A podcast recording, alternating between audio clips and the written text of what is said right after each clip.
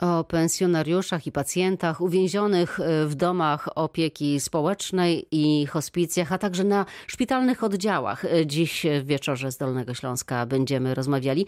Naszymi gośćmi są pani profesor Małgorzata Sobieszczańska, Katedra i Klinika Geriatrii Uniwersytetu Medycznego we Wrocławiu. Dobry wieczór pani profesor. Dobry wieczór. Pani Anna Żebranowicz, Hospicjum Bonifratrów. Dobry wieczór. I pani Magdalena Świeżawska, Dom Pomocy Społecznej przy ulicy Karmelkowej we Wrocławiu. Dobry wieczór. Pół roku już, ponad pół roku. Pamiętam, jak w marcu zamykały się właśnie domy pomocy społecznej, hospicja. My też byliśmy zamknięci w e, domach, był lockdown, ale my wyszliśmy. A ci podopieczni hospicjów, oni ciągle są. Są jak w więzieniu. Hospicjum Bonifratrów. Jak wy sobie radziliście i radzicie przez ten czas? Po pierwsze, jest to bardzo trudna sytuacja dla pacjentów i dla rodzin. Rodziny oddają swoich pacjentów do hospicjum z, pewną, z pełną świadomością, że pacjent prawdopodobnie odejdzie w najbliższym czasie. Nie są w stanie go trzymać za rękę w chwili odchodzenia, nie są w stanie być przy nim i jest to bardzo dramatyczne, tak jak mówię, dla dwóch stron. Dla pacjenta z jednej strony, ponieważ on odchodzi i ma pełną świadomość tego, i dla rodziny, która z zamurów czeka na wiadomość, tak? I to wiadomość, która nie jest dla niej optymistyczna. Czy w tych ostatnich chwilach, w tych ostatnich momentach rodziny mogły jednak wejść i być blisko? Tak, pomimo wprowadzonego reżimu sanitarnego y, przyjęliśmy zasadę, że w momencie, kiedy wiemy, że pacjent zaczyna odchodzić, y, dzwonimy, kontaktujemy się z rodziną i ta rodzina na 15 minut jest wpuszczana do pacjenta i jest razem z nim. To zawsze była decyzja lekarzy, natomiast uważaliśmy, że pomimo tego, że wszystko stało i było zamknięte, nie jesteśmy w stanie odmówić tej ostatniej posługi pacjentowi. Na 15 minut. Czy ktoś z Państwa sobie wyobraża taką sytuację, że Wasza osoba bliska odchodzi ja mogę przyjść i potrzymać mamę za rękę 15 minut. To jest w ogóle coś niewyobrażalnego. Czy jak, jak znoszą to rodziny właśnie, jak znoszą. Ja miałam okazję na początku pandemii rozmawiać z jedną z y, pań, y, żon y, waszego podopiecznego. Właściwie to nie była rozmowa, bo ta pani po prostu cały czas płakała. No trudno się dziwić, jeżeli się z kimś było wspólnie 60 lat i nagle trzeba go zostawić właśnie w hospicjum. Jest to dramatyczna sytuacja dla obu stron, tak jak mówię. Macie pomoc psychologa? Oczywiście korzystają podopieczni i rodziny z tej pomocy? Tak, my z naszej strony staraliśmy się mm, przedsięwziąć wiele kroków, które miałyby na celu jakby spowodowanie, że kontakt był, tak? W momencie, kiedy pacjent jest jeszcze logiczny, e, kiedy jest kontaktowy, używaliśmy WhatsAppa, Skype'a do kontaktów rodziny i pacjenta, natomiast to zawsze był kontakt przez pewne urządzenie i też tylko w ograniczonej możliwości, czyli pacjent musiał być na tyle świadomy, żeby móc taki kontakt e, mieć. E, natomiast e, korzystamy z naszego ogrodu, który jest e, niesamowity który ma półtorej hektara i w tym ogrodzie rzeczywiście nasi pacjenci mogli spotykać się po tych oczywiście pierwszych miesiącach, kiedy było najgorzej, mogli spotykać się ze swoimi rodzinami. To, żeśmy im um, umożliwili na świeżym powietrzu z zachowaniem dystansu społecznego, ale rzeczywiście taka możliwość była. Teraz jeszcze jest ciepło i rzeczywiście warto jeszcze wykorzystać ten czas. Dom Pomocy Społecznej. Co jakiś czas wybucha, wybuchały w Polsce ogniska właśnie koronawirusa w domach pomocy społecznej. To były miejsca szczególnie szczególnie narażone właśnie na nowe zachorowania. Wy zamknęliście się na Karmelkowej? Y, zamknęliśmy wszystkie domy w marcu zgodnie z wytycznymi, jakie zostały wprowadzone i ogłoszone i na bieżąco śledzimy sytuację. Natomiast y, na przestrzeni tych wszystkich miesięcy oczywiście też zmienialiśmy cały czas, dostosowując sytuację do tego, jaka jest, y, jaki jest stan epidemii w kraju i na świecie, nasze działania. I w tej chwili od lipca te obostrzenia zostały troszeczkę poluzowane i otworzyliśmy już możliwość odwiedzin dla naszych mieszkańców. Oczywiście odbywają się one w ograniczonym zakresie z zastosowaniem reżimu sanitarnego, środków ochrony indywidualnej i one odbywają się albo tak jak y, w hospicjum na ogrodzie, na terenie y, placówki, ale są też w każdej placówce y, możliwość takich odwiedzin w pomieszczeniach wyznaczonych, żeby jednak jakiś komfort i takie poczucie takiej intymności tym naszym mieszkańcom zapewnić, a w wyjątkowych sytuacjach również takie odwiedziny odbywają się w pomieszczeniach, w których mieszkają nasi mieszkańcy. Odwiedzać można, a czy pensjonariusze mogą opuszczać dom. Jeszcze niestety nie mogą w tak swobodnym zakresie, w jakim chcieliby ten dom opuszczać, y, bo no niestety sytuacja jest taka, jaka jest. To są duże skupiska y, ogromnej grupy, która jest y, bardzo zagrożona wystąpieniem niestety tego zakażenia, bo to są osoby przewlekle chore, niepełnosprawne, z obniżoną odpornością, osoby starsze. Placówki są duże. Nasza placówka ma 236 mieszkańców. I nie stoją tam przy bramce i nie mówią, ale ja chcę, ja muszę, ja już nie wytrzymam nie, nie, dłużej nie, nie, po prostu. Nie, bo w tej chwili nasi mieszkańcy swobodnie poruszają się po całym terenie.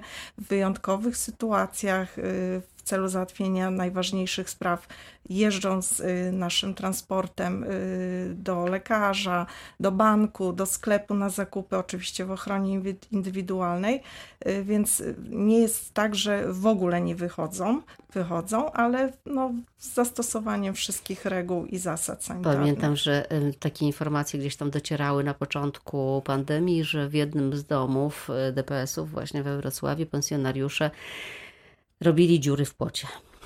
Dyrektorka tego e, domu te dziury łatała, a następnego dnia znowu była dziura w płocie, ponieważ panowie nie mogli wytrzymać i po prostu musieli musieli.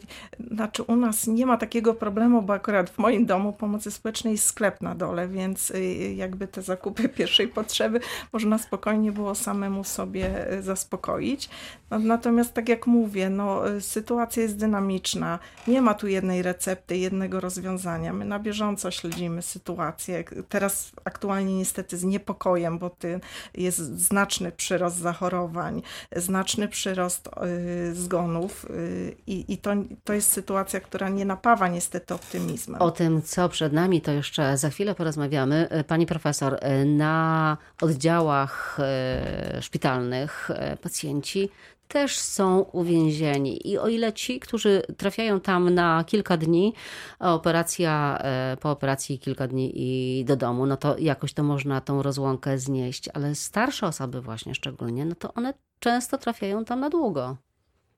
To znaczy, Akurat specyfika naszego oddziału, naszej kliniki jest taka, że przyjmujemy pacjentów w celach diagnostycznych i w ciągu krótkiego czasu, 70 dni, mają naprawdę taki panel e, badań, łączy przy w to tomografię, rezonans i wszystkie konsultacje specjalistyczne, jakie tylko są potrzebne. Y, i czekają na to z utęsknieniem nieraz i trzy miesiące, bo jest taka kolejka.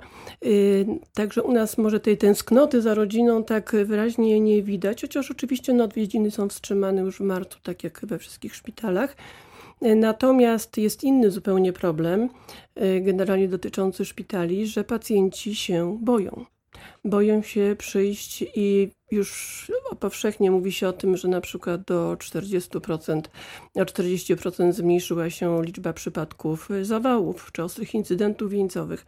Co znaczy oczywiście nie zmniejszyła się liczba zawałów, tak, tylko, tylko osób zgłaszających się. Tak, w statystykach tak to wygląda, ale niestety w rzeczywistości to wygląda tragicznie, bo ci pacjenci być może umarli nie z powodu COVID-u, którego się tak panicznie bali, tylko z powodu niepodjętego leczenia ostrego stanu zagrażającego y, życiu. I tutaj E, w związku z tym na przykład w naszym szpitalu, uniwersyteckim szpitalu klinicznym, mówię o dwóch lokalizacjach i tej starej przy Kiri Skłodowskiej i e, przy e, ulicy Borowskiej, no, zrobiliśmy taki wybieg, że po prostu pacjenci, zwłaszcza na tych oddziałach, gdzie jest duże zagrożenie oddział geriatryczny do takiego należy, prawda? Pani o tym wspominały, że 65 plus to są osoby już e, z reguły z przewlekłymi albo wieloma chorobami, więc ze spadkiem odporności, nawet tej fizjologicznej, bo wiadomo, że układ odpornościowy też się starzeje jak każdy inny. E, więc po prostu wszyscy ci pacjenci są badani na wejściu. Oni mają obowiązek przetestowania się na wejściu. Na wejściu. Na Zanim wejściu, tak. zostaną przyjęci dzień wcześniej, są kierowani telefonicznie, jest cały czas kontakt z naszą kliniką i pewnie w innych tak samo jest. Pacjent wie dokładnie, gdzie ma się zgłosić, że w szpitalu przyborowskiej jest taki punkt, że, że zostanie za darmo wymazany. Jeżeli do godziny powiedzmy 23 nikt nie zadzwoni, to znaczy, że najprawdopodobniej wynik jest ujemny i następnego dnia rano zgłasza się do ruchu chorych i jest u nas przyjmowany. Także pacjenci są też o tym informowani. Proszę się nie bać. Przyjdzie pani czy pan do oddziału, gdzie wszyscy pacjenci są przebadani i personel tudzież cyklicznie się bada, a mimo to odwołują i się tak boją. Za chwilę wrócimy do rozmowy, porozmawiamy właśnie między innymi o tym e, testowaniu, testowaniu profilaktycznym, dostępu, dostępie do tego testowania. 22 minuty po godzinie 20 w wieczorze z Radiem Wrocław, e, w wieczorze z Dolnego Śląska. Wracamy do rozmowy z gośćmi w studiu. No właśnie, testowanie. Pamiętam, był taki moment e, też e, na pewnym etapie pandemii, to był jakoś maj, gdzie kolejne ogniska koronawirusa wybuch, wybuchały właśnie w domach opieki społecznej i zdecydowano, żeby przebadać hurtem wszystkich, czy większość pensjonariuszy i pracowników E, pamiętam też, że był taki moment, kiedy był pewien opór wśród e, pracowników. Nie wszyscy chcieli się e, dać przebadać. Jak to było na Karmelkowej w DPS-ie? To znaczy u nas przebadali się wszyscy pracownicy. Robiły to Wojska Obrony Terytorialnej. Dyrekcja i to wielki ukłon w stronę dyrekcji, która starała się o zrobienie tych badań dla naszych wszystkich pracowników. Poszczególne domy w różnych etapach się badały. Na szczęście wszystkie te testy wyszły u nas ujemne. Mieszkańcy nie byli wszyscy testowani, natomiast bardzo dużo naszych mieszkańców jest testowanych w szpitalach. Jak trafia do tych szpitali, to pierwsze co jest wykonywany test i rzeczywiście no, na szczęście nie mieliśmy nigdy przypadku, żeby był on pozytywny. Wszystkie testy były negatywne, ale też mamy taką zasadę, że jak nasz mieszkaniec wraca z placówki służby zdrowia, no to podlega takiemu nadzorowi epidemiologicznemu, tak?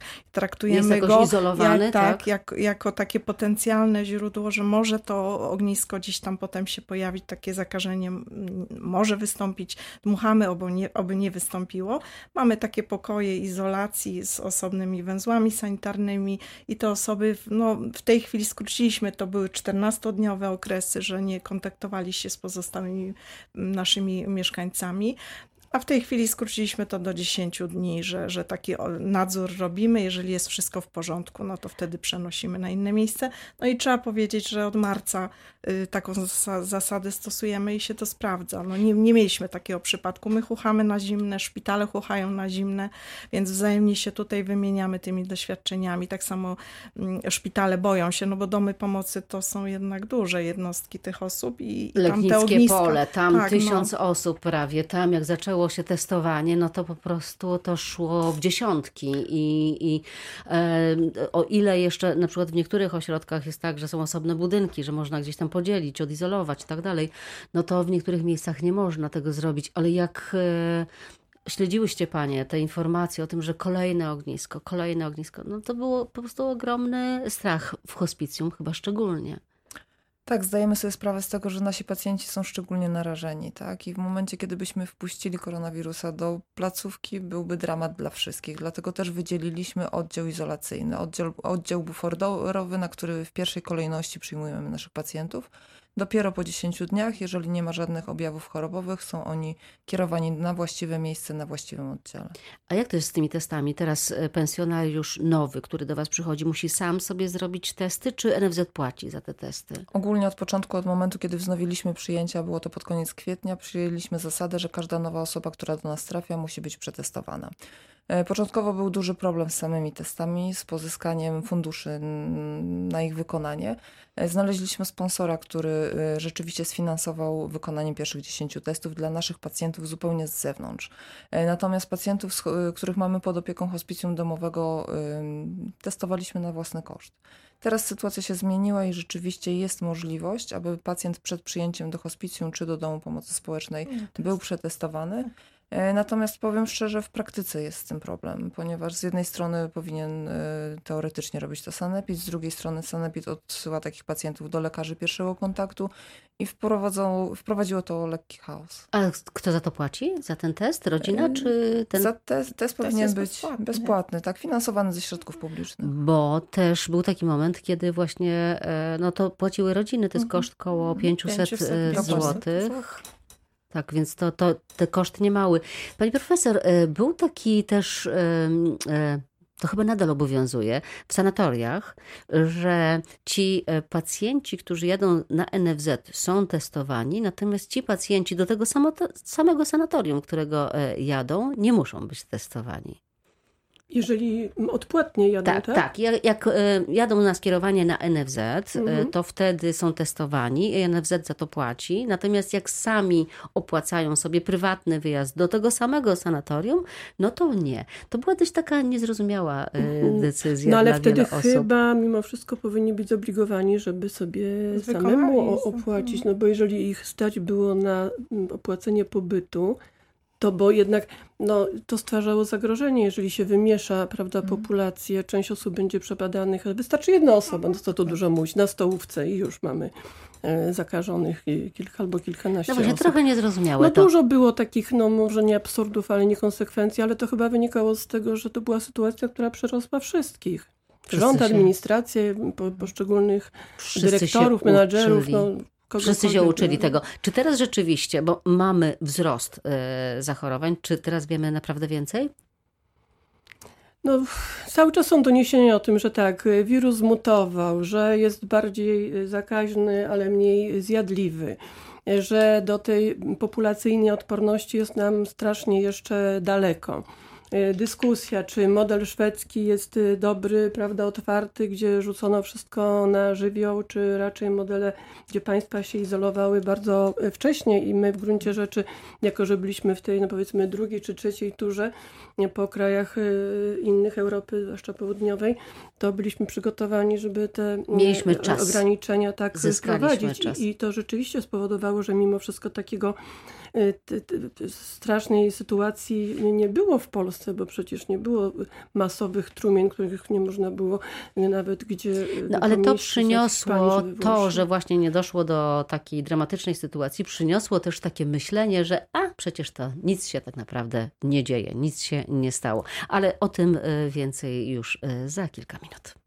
I wracamy do rozmowy z naszymi gośćmi. Ja przypomnę, profesor Małgorzata Sobieszczańska, jest z nami y, pani kierownik Anna Żebranowicz z Hospicjum Bonifratrów i pani Magdalena Świeżawska z Domu Pomocy Społecznej przy ulicy Karmelkowej. Pani profesor, od pani bym teraz zaczęła, bo y, jeszcze się zastanawiam, czy już naukowcy badają to, jak, y, jaki wpływ na zdrowie, kondycję umieralność e, osób starszych ma właśnie ta izolacja, bo e, izolacja w hospicjum, izolacja w domu pomocy społecznej, izolacja w domu też, bo lepiej, żeby dzieci, nie, wnuki nie przychodziły do dziadków, bo lepiej, żeby e, nie kontaktować się z nimi za bardzo, no bo oni przecież są w tej grupie ryzyka. Jak to może się przełożyć na tą kondycję psychiczną? No trochę my też właśnie w klinice chcemy takie badania zrobić, odnosząc się do tak zwanej sprawności funkcjonalnej e, seniorów, porównując te testy, kiedy oni byli u nas e, na oddziale przed pandemią, a potem właśnie jak ta pandemia e, nas nieoczekiwanie nawiedziła. Na pewno tak, dlatego że cała sfera psyche zostaje w tym momencie sprowadzona do zera. Są dowody na to, że na przykład stany mm, lękowo-depresyjne e, czy stany nawet obniżonego nastroju wpływają na przykład na zwiększenie śmiertelności w wypadku chorób układu krążenia.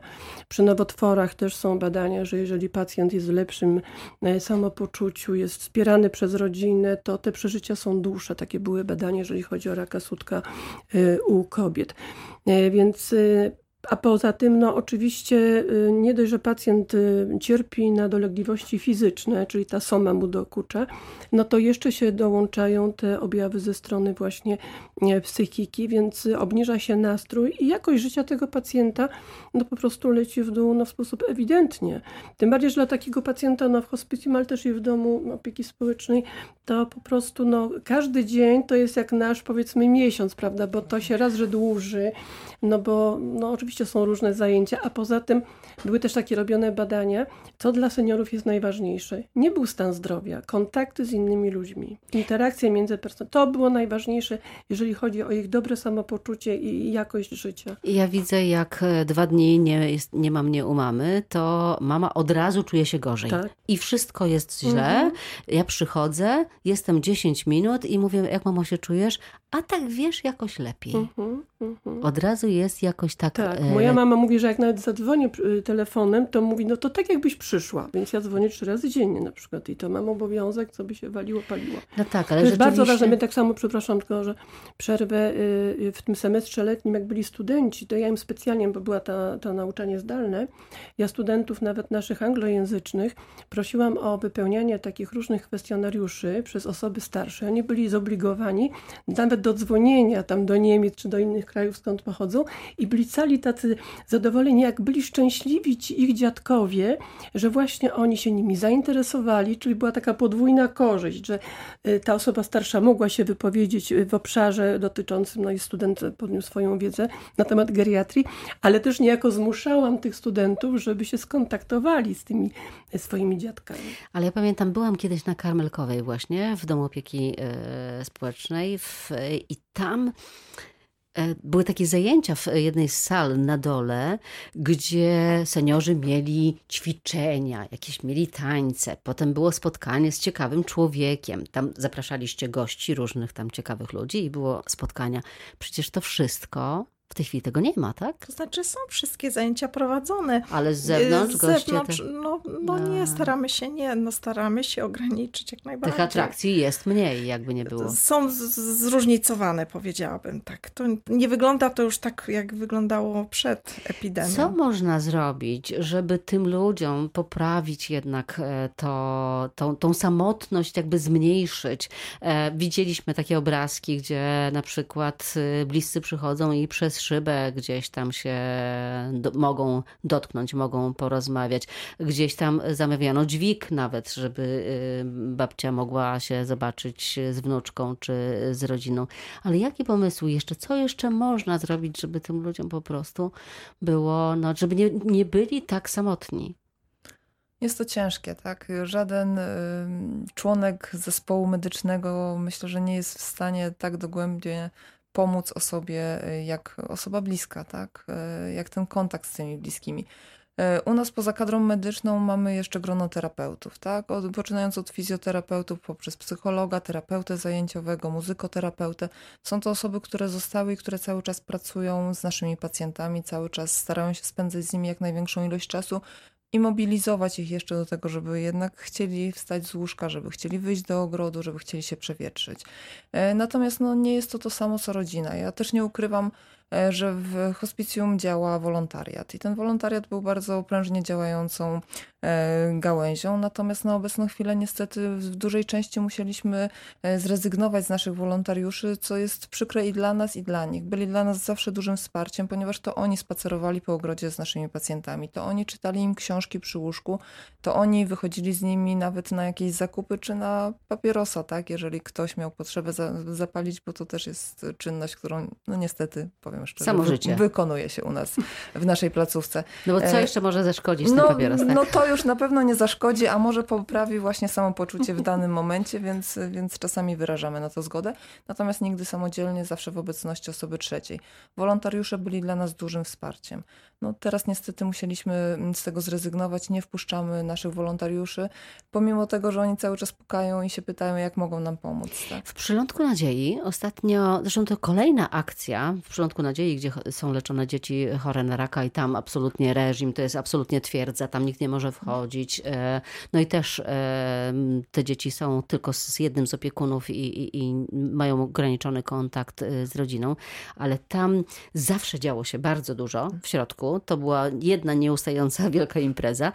E, Teraz nie można tych rzeczy robić, ale na przykład e, kilka dni temu było przedstawienie pod oknami po prostu tego, e, tego przylądka. Tam pojawiła się orkiestra, która zagrała dla tych dzieci pod właśnie oknami. Więc no trochę taka właśnie kapele podwórkowe jakby wracają, no bo to, to, to jest jakaś jedyna e, możliwość w tej chwili. Co jeszcze, co, co przed nami w tej chwili właśnie? Bo jeśli e, co chwilę słyszymy, że być może te restrykcje zaostrzą się. Czego się spodziewacie?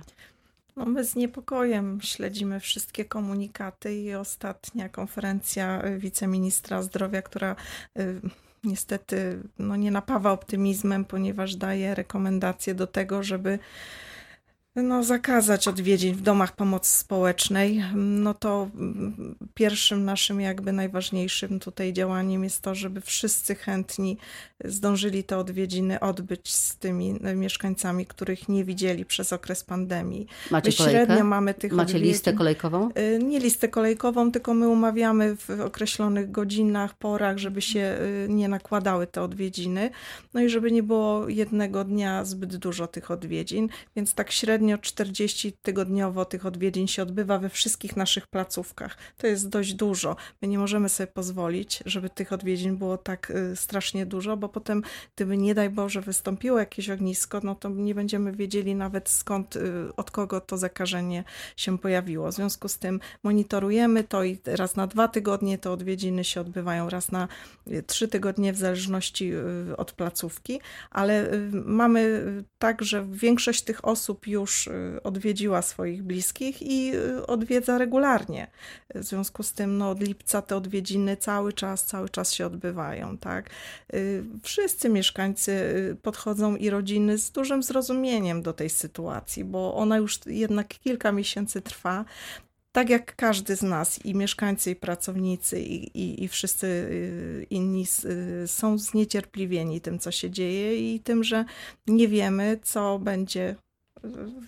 dalszej kolejności. Trochę się przez te miesiące oswoiliśmy z koronawirusem i o ile sama widzę po sobie, że na początku e, do rodziców nie przychodziłam, tylko przynosiłam zakupy, e, stawiałam na wycieraczce i jeszcze prosiłam mamę, żeby tam najpierw e, w rękawiczkach wystawiła to na taras, żeby to postało tam godzinę albo dwie i dopiero potem mogła rozpakować. Nie robimy teraz tych rzeczy już. Troszeczkę zaczynamy też, pani profesor, lekceważyć tego koronawirusa. Znaczy lekceważyć, ja myślę, że przyzwyczajenie jest drugą naturą człowieka i nawet w czasie wojny myślę, że w miarę upływu czasu ludzie starali się Normalnie, Kobiety w obozach powstaniu zaczęły się koncentracyjnych, malować No, przepraszam, końcu, tak. nawet i tam jakieś życie, nawet i uczuciowe i towarzyskie e, kwitło, bo po prostu człowiek e, no, jakoś się aklimatyzuje. Na Nie początku może to był taki napięciu. e, wstrząs, bo to po prostu było tak niespodziewane, jeżeli chodzi o zasięg i o te skutki, o których nam donoszono cały czas w mediach z innych krajów, że rzeczywiście ludzie popadli w panikę. Natomiast po tym, jak się okazało, że no owszem są zachorowania, ale tak naprawdę no, wśród naszych najbliższych, no ktoś zachorował, no nie. Ktoś tam miał, był zakażony, ale bezobjawowo albo skąpoobjawowo. I tak jakoś to powolutku No e, tak, się ale w zaczęło... marcu mieliśmy 300 zachorowań, potem e, było 500, potem kwestia- minął 1000, to chyba teraz mamy wakacji, półtora prawda, tysiąca, no tak? Za chwilę Śląsk będzie... pojechał nad tak. morze na przykład, więc tak. już tam w Pomorskim się zaczęło. Mm, No, są takie tereny jak lubuskie, gdzie było bardzo mało i nadal jest bardzo mało, prawda? Wiadomo, że no, uruchomienie wesel i dyskotek, pubów, to dla mnie to było troszeczkę nierozsądne. Bo mm, jednak rzeczywiście, co tu dużo mówić, czy wesele będzie miało 50 czy 150 osób. Wiadomo, że na weselu jak jest i wesoło i Dystansu, wszyscy no się braczają po pewnym czasie i całują, więc to w ogóle czy to takie było konieczne, a dyskoteki, gdzie młodzież, prawda, w tych pubach mm, gorąco, duszno, dużo ludzi. Ale dlatego też między innymi studenci nie wrócili w takim wymiarze e, do e, akademików. E, To, to był jeden z powodów, Tak. że właśnie wielkie skupiska i brak dystansu, no i wieczna impreza, jeszcze z tym myśleniem takim, że a jestem młody, nic mi nie będzie. No te koronaparty na początku to też było po prostu jakieś... Rzeczywiście widać, że te zasady, które wprowadzono, one dają efekty. Natomiast koszt tego, że one dają efekty, jest po prostu duży. Jest bardzo duży. Wszystkie środki ochrony, rękawiczki, fartuchy. Po pierwsze, byłby na początku bardzo duży problem z dostępnością do tych środków, a po drugie, przede wszystkim koszty koszty, które są niebotyczne, tak? Zakup paczki rękawiczek za 50 zł, no to na obecną chwilę to jest dla, dramat dla każdego podmiotu świadczącego usługi medyczne i myślę, że nie tylko medyczne. Te rękawiczki kiedyś kosztowały tam 70 groszy Oczywiście. czy 50 groszy, a no, potem może, nagle... No, może 12 zł, tak? To była taka średnia cena e, za paczki, paczkę, za paczkę za rękawiczek. tak. tak. jak najbardziej. Natomiast na obecną chwilę znowu koszt jest 50 zł. Ale były też po 150 były, zł. Były. Tak samo jak tak, mase, tak, maseczki, okres, maseczki w marcu nie Ale pamiętam, na początku kupiłam sobie takie opakowanie rękawiczek za 150 miałam, no ale skończyły się i już potem nie kupiłam. Natomiast widzę, że mniej używamy tych rękawiczek przestrzeni publicznej też jest mniej osób, które używają rękawiczek, ale za to. Ja myślę, że zamiast tych rękawiczek to trzeba się skupić na myciu rąk, naprawdę. Mycie rąk y, przez te 40 y, sekund mydłem, ciepłą wodą, no przecież to chyba nie jest aż taki wielki y, wysiłek. Plus właśnie dystans, utrzymywany. No w tej chwili nawet niektórzy ludzie mają taki nawyk. Ja już tak zawsze leciałam z ręką, witając się, a już teraz się nauczyłam te ręce trzymać prawą rękę przy sobie. To też już takie odruchy po prostu myślę, że już nam się wytworzyły. Tak, e, na razie korzystamy tak z tego, co mamy. Mamy możliwość mycia rąk, mamy możliwość trzymania dystansu. Już są te środki mamy dezynfekcyjne, których tam tak. na początku przecież brakowało. A w tej chwili już są. są Do rozmowy jeszcze wrócimy za kilka minut. Przypomniała mi się teraz taka akcja, zresztą robiłam o tym reportaż e, dla Radia Wrocław, pisania listów przez wolontariuszy dla pacjentów szpitali w Polsce. Przepiękna akcja. Wolontariusze po prostu pisali do osób, których nie znają, a przez te listy się te osoby poznawały i pierwszy list to było takie: hej, jak się masz? Wiem, że może być ci ciężko, może chcesz porozmawiać. E, przepiękna e, akcja i to jest jeden może ze sposobów też, e, żeby te osoby uwięzione, zamknięte w ośrodkach, w DPS-ach, w hospicjach, no nie czuły się takie same. Pani Anno, może, może, może listy może listy. Tego jeszcze nie próbowaliśmy, natomiast kartki z okazji Dnia Babci i Dziadka bardzo są często u nas dostarczane przez e, uczniów szkół podstawowych. No właśnie, ten kontakt z dziećmi, przecież to, to ci starsze, te starsze osoby e, bardzo tego potrzebują. Zresztą też w DPS-ie, w jednym z DPS-ów na Rędzińskiej chyba we Wrocławiu, jedna z pensjonariuszek opiekowała się kotami. I te koty tam e, były w otoczeniu, e, no to, to, to było całe życie po prostu tej pani, tej, tej starszej osoby, która e, miała tam dla kogo żyć. Miała te koty. Zresztą jeden przemycił się do środka. Ja jestem w ogóle wielkim zwolenniczem. Mamy koty, pani redaktor. Macie koty? Oczywiście, my mamy całą społeczność kotów w naszym DPS-ie. Mamy psy nawet. Jest mieszkanka, która ma dwa pieski, Prawdziwe. którymi się opiekuje oczywiście i to jest dogoterapia, którą cały czas stosuje.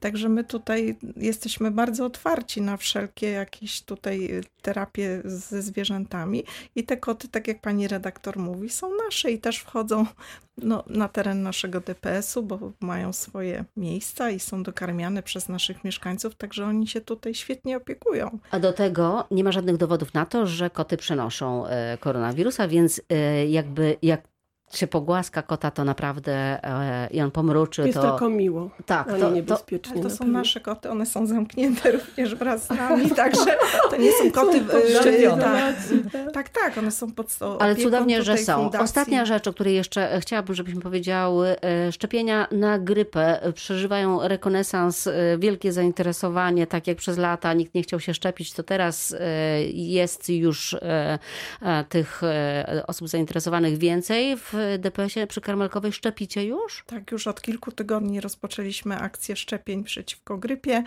Y, rokrocznie y, te szczepienia są wykonywane. W tej chwili z dość y, znacznym zainteresowaniem samych mieszkańców. Ale skąd? Macie szczepionkę? Mamy szczepionkę, Jak pani redaktor, staramy się, pozyskaliśmy te szczepienia, współpracujemy z aptekami na terenie miasta Wrocławia i y, no, na zapisy, tak jak pani redaktor tu wspomina, te szczepienia są dostarczane. Nie jest to tak, że szczepimy wszystkich od razu, robimy to regularnie, sukcesywnie etapami. Podobno szczepieni mają być wszyscy pracownicy yy, służby zdrowia. Y, Czy ochrony więcej, zdrowia? My już od lat w naszym szpitalu mamy odpowiednią liczbę szczepionek, żeby zaszczepić wszystkich, cały personel. No ale Niestety- zainteresowanie nie było Niestety wielkie. wyszczepialność, no nie wiem jak u nas w szpitalu, ale w skali globalnej to i personel y, medyczny się szczepi około 3%, więc właściwie już najlepiej się szczepią ludzie właśnie w podeszłym wieku. Tak, Tak. tam jest znacznie wyższy ten odsetek, y, więc od personelu trzeba by zacząć, także w tym roku jest bardzo duża taka akcja propagandowa, żebyśmy się wszyscy zaszczepili, cały personel medyczny i myślę, że u mnie w, na oddziale to w ogóle nie ma mowy, żeby się ktoś nie zaszczepił. No dobrze, ale i NFZ nawet płaci za to, także, ale też macie szczepionkę? Dyrekcja mówi, że, że chyba ma, bo, bo jak nas tak zachęca, to pewnie już ma. Nie, choć tak jak pani mówiła przed chwileczką, no to trzeba było się dosyć wcześnie. My już zawsze wcześniej szpital składa zamówienia, więc myślę, że te szczepionki są u nas. One Mm, partiami przychodzą tak, po prostu do tak. apteki. Nawet jak apteka zamawia, to No one nie przychodzą, bo nie ma w hurtowniach tych szczepień. Gmina Wrocław e, realizuje co roku taką akcję szczepienia seniorów i tam zainteresowanie jest ogromne, około 5 tysięcy osób e, zapisuje się, te szczepionki rozchodzą się jak świeże bułeczki i lista kolejkowa jest. Nawet sama e, zapisałam rodziców też na taką listę kolejkową, ale jeszcze na razie nikt tam szczepionki nie widział. Czekamy. W hospicjum My też czekamy. Planujemy zas- zaszczepić personel medyczny, jesteśmy na liście kolejkowej. Tak. Ale finansowanie jest z Narodowego Funduszu Zdrowia, jak najbardziej, to potwierdzam, umowę mamy. Przed nami jesień, no i rzeczywiście e, musimy być do tego przygotowani. Mieliśmy czas, mieliśmy te e, pół roku na to, żeby teraz e, może się mniej bać, ale mieć e, więcej wiedzy już, no i Mm. ostrożności. Jeżeli mogę tylko krótko dodać. mm, Oczywiście wszyscy wiemy, że zaszczepienie się przeciwko grypie nijak nie chroni nas przed koronawirusem, prawda? To tak na wszelki wypadek Tak, mówię. tak, ale Niemniej jeśli... jednak są dwa powody. Jeden powód, że po prostu bardzo trudno jest rozróżnić po objawach klinicznych jedną i drugą chorobę, więc niepotrzebnie pacjent, który ma objawy grypy, będzie się obawiał i tak samo lekarz jego, że to jest koronawirus. A po drugie, na przejście samej grypy osłabia odporność, więc wtedy taki osobnik się staje bardziej podatny. na I jeśli tylko szczepionka się pojawi, to zalecamy tę e, wykorzystać. Dziękuję najmocniej za wizytę e, w studiu. Przypomnę, naszymi gośćmi była pani profesor Małgorzata Sobieszczańska z Uniwersytetu Medycznego we Wrocławiu, pani Anna Żebranowicz z Hospicjum Bonifratrów i pani Magdalena Świeżawska z Domu Pomocy Społecznej przy ulicy Karmelkowej we Wrocławiu. Bardzo pięknie dziękuję paniom za wizytę w studiu. Elżbieta Osowicz, ja już e, żegnam się z państwem, a za chwilę Alicja Mikłaszewicz przedstawi najświeższe informacje. Do usłyszenia.